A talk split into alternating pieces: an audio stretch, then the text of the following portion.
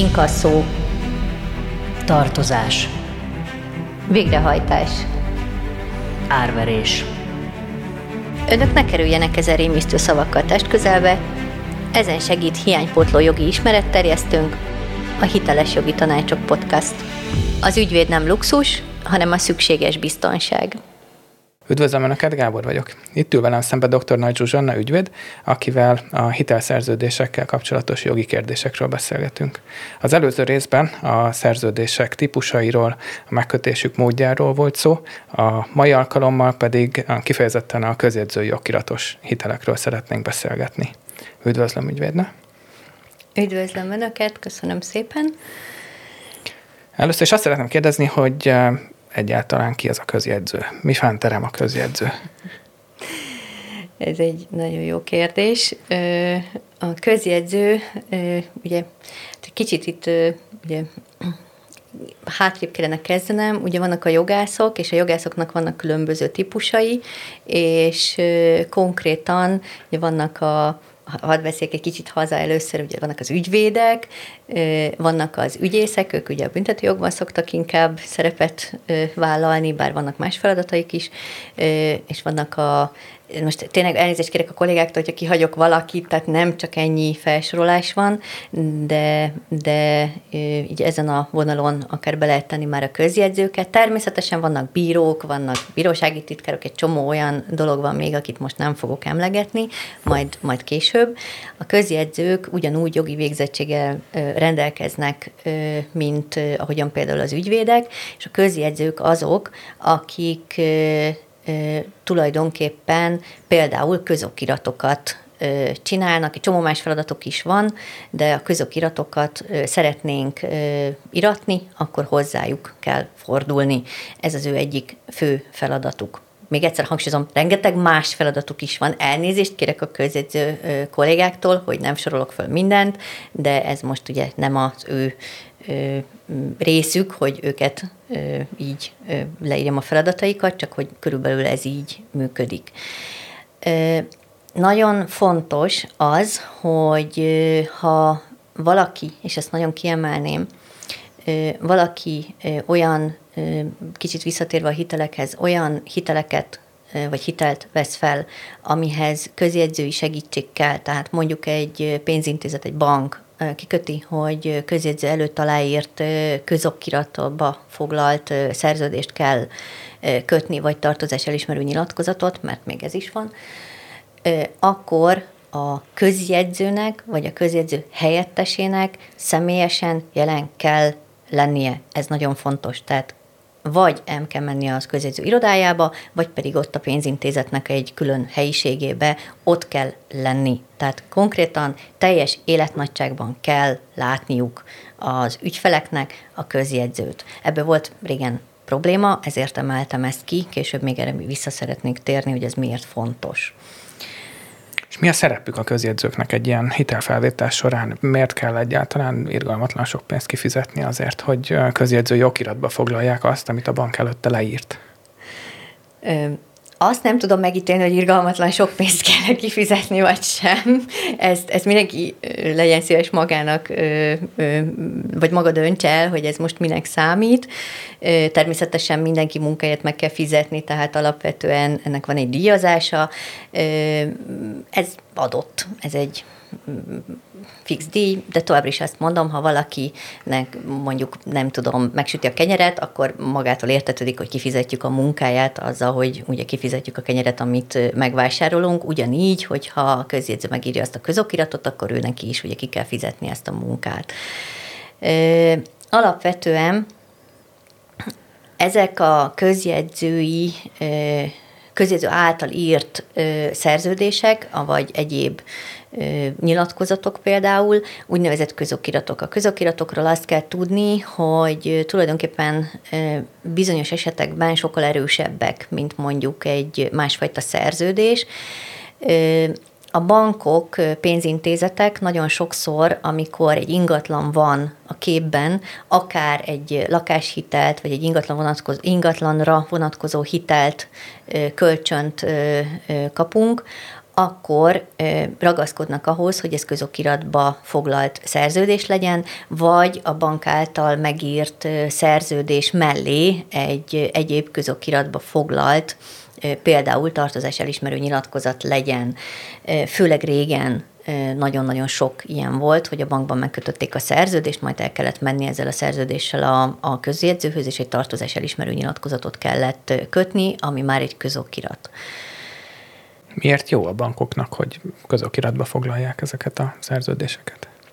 Azért jó, mert onnantól kezdve, hogyha valami probléma van, például valaki nem fizet, és felmondják ezeket a szerződéseket. A felmondásról lesz egy külön rész majd, hogy hogyan működik a különböző felmondás, és mit kell vele pontosan, vagy mit kell ezzel kapcsolatban figyelni.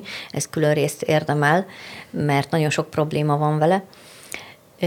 Itt most erre nem térnék ki. Tehát a lényeg az az, hogy ha felmondják ezeket a szerződéseket, mert mondjuk valaki nem tud fizetni, vagy késedelembe esik, ugye, és nem is érik el esetleg, vagy a fizetési felszólításokra semmit sem reagál, és felmondásra kerül ez a szerződés, akkor tulajdonképpen a bank előtt megnyílik, vagy a pénzintézet előtt megnyílik egy olyan lehetőség, hogy a közokiratba foglalt ö, ö, szerződéseket úgymond sokkal könnyebben, sokkal hamarabb és kvázi sokkal olcsóbban is úgymond végrehajtsák, tehát hogy tulajdonképpen végrehajtásra kerülhetnek ezek a a szerződések, anélkül is, hogy egy plusz, akár bírósági pereskedéssel ö, jusson majd a későbbi pénzéhez, vagy a, a pénzéhez a később az adott pénzintézet.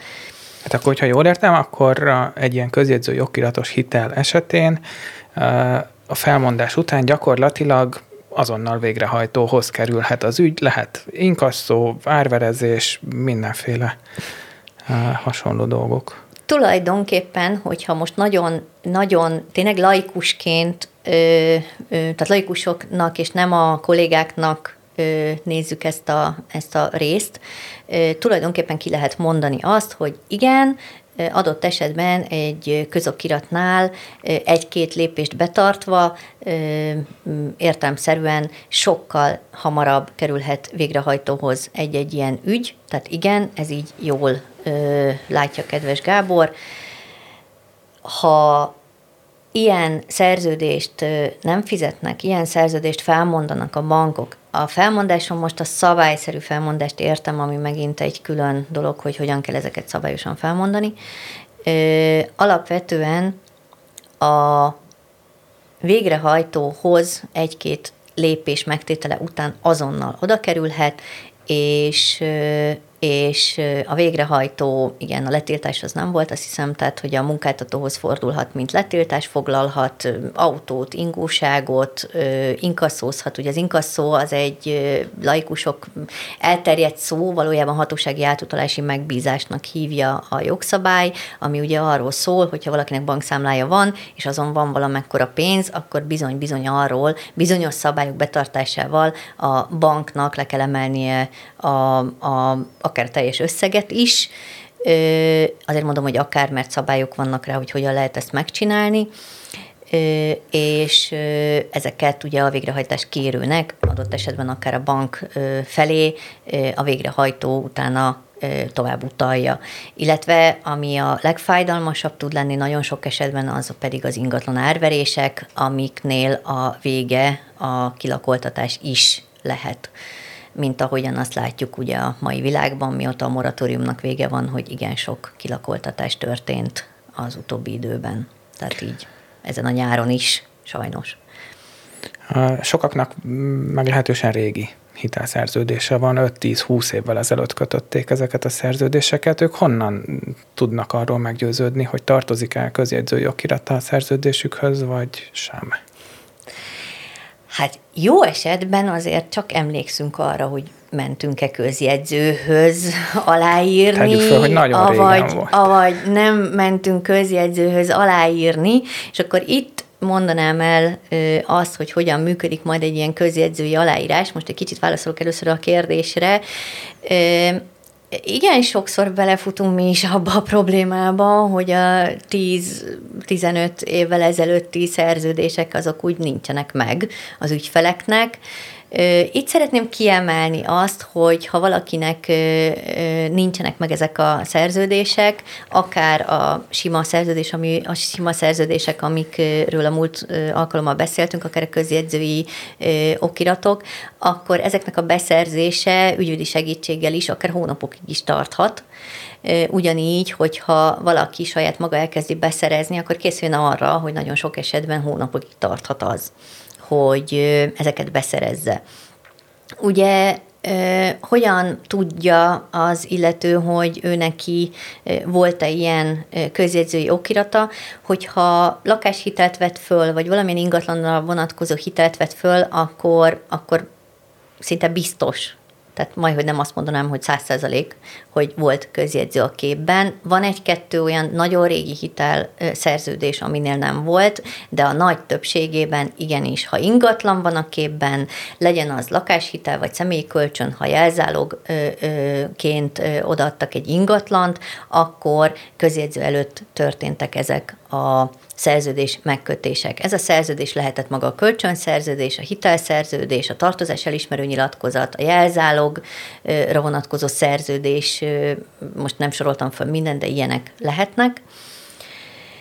És ugye értelmszerűen, hogyha ott volt a közjegyző, és mit kellett ugye a közjegyzőnek akkor csinálnia, illetve a mai világban is mit kell egy közjegyzőnek csinálnia. Ugye az egy dolog, hogy ő megszerkeszti ezt az okiratot. Ezek az okiratok egy kicsit olyan furán néznek ki, nagyon, nagyon fura alakjuk van, mindegyik kötött, nagyon, nagyon komoly szabályokat kell betartani a közjegyzőnek, hogy hogyan írja meg ezeket a, az okiratokat. Nagyon fura nyelvezete is van, ugyanis a számokat mindig ki kell írni betűvel is, még a dátumokat is ki kell írni betűvel, illetve amit szoktak még, ugye a laikusok szoktak rá mosolyogni, hogy nagyon sokszor nemzeti színű szalaggal van átkötve ugye maga a közokirat, a megszerkesztett közokirat. Tehát ezek ezek, hogyha ilyen szerződéseik vannak, és értemszerűen a végén ott van az is, hogy, hogy melyik közjegyző előtt készült, akkor ez biztos, hogy egy közokiratba foglalt szerződés, vagy a szerződés mellett van egy közokirat, ami ugye azt eredményezi, amiről az előbb beszéltünk, hogy szinte azonnal végrehajtható. A szinte azonnal végrehajthatón azt értjük, hogy egy sima szerződésnél, hogyha felmondásra kerül egy sima szerződés, akkor, akkor nem lehet azon a végrehajtóhoz menni, hanem általában egy úgynevezett fizetési meghagyás kibocsátásával működik. Ez most nem téma, csak azért mondom, hogy onnantól kezdve bizony bírósági pereket is lehet ugye behúzni. A, tehát, hogyha valaki hitelezőként ugye szeretné a tartozásait, vagy a, szeretné a kintlevőségeit a, a behajtani, akkor ugye nagyon sokszor a bíróság előtt találhatja magát. Egy közokiratnál ez a lépés kimarad, és azonnal mehetünk a végrehajtóhoz. Közjegyzői okirat megkötésénél hangsúlyozom, még egyszer hangsúlyozom, volt erre ellenpélda sajnos a régi időben, hogy a közjegyzőnek, vagy a közjegyző helyettesének ott kell lennie a helyszínen. A közjegyző az, aki főszabály szerint egyébként a teljes szerződést fel kellene, hogy olvassa. Nagyon sokan ezt nem csinálják meg. Egyébként is, hogyha ilyen hosszú, akár 10-20-30 oldal a szerződésekről van szó, azt valaki felolvasná szó szerint, akkor az órákba telne. Ezért mondom azt, hogy ha valaki közjegyző előtt kötötte a régi szerződését, azért általában nem 5 percig volt ott, hanem általában átbeszélték, hogy mi van a szerződésben, át általában felolvasták neki, nagyon sok esetben ugye tényleg felolvasták a szerződéseket, nagyon sok közjegyző összefoglalóan elmondta, hogy mi van benne, tájékoztatta az adott illetőt, ugye arról, hogy mit ír alá, tulajdonképpen kérdéseket lehetett neki feltenni. Ha a régi időkben kötött szerződések során ez nem történt meg, arra emlékeznek, hogy nem mentek el külön közjegyzőhöz, vagy a pénzintézet nem biztosított egy külön időt arra, hogy a közjegyzővel leülve, vagy a közjegyző helyettesével leülve ezeket végigbeszéljék, aláírják, akkor ott probléma van. Tehát ö, ott, ott valami nagyon-nagyon nagy hiba történt. És sajnos van ilyen. Tehát tényleg volt ilyen régen, ö, hogy ö, bár közjegyzői okiratot írtak alá, de valójában az ügyfél nem találkozott a közjegyzővel. Ilyen nyertes perek is vannak, tehát alapvetően bírói gyakorlatban is van már erre példa. És ilyen esetekben mit lehet tenni, hogyha valaki így magára ismer? A kérdés az jó. Ilyen esetben, hogyha valaki úgy emlékszik rá, hogy ő egyáltalán nem találkozott a közjegyzővel, vagy a közjegyző helyettesével, akkor javaslom, hogy forduljon ügyvédhez, és akkor ők ott az a kollégával együtt beszéljék át azt, hogy ilyenkor mit lehet tenni ilyen esetben. Hangsúlyozom, tényleg akkor, hogyha valaki egyáltalán nem találkozott közjegyzővel, tehát, mert ennek a bizonyítása nagyon-nagyon nehéz, úgyhogy önmagában itt minden azon múlik, hogy mit tud bizonyítani, és mit nem. Tehát ez nagyon fontos. Köszönöm szépen a figyelmüket, ennyi fért be a mai epizódunkba, és a következő részben pedig, miután most jól megkötöttük a szerződést, arról lesz szó, hogy a szerződésszerű teljesítés során mm, milyen buktatók vannak, mire kell odafigyelni. Köszönöm szépen, ügyvédnő. Köszönöm én is. Viszontlátásra. A beszélgetésünk nem minősül jogi tanácsadásnak, laikusoknak és nem jogászoknak készül. A célja az általános jogi ismeretterjesztés. Konkrét jogi tanácsadáshoz keressenek fel egy ügyvédet.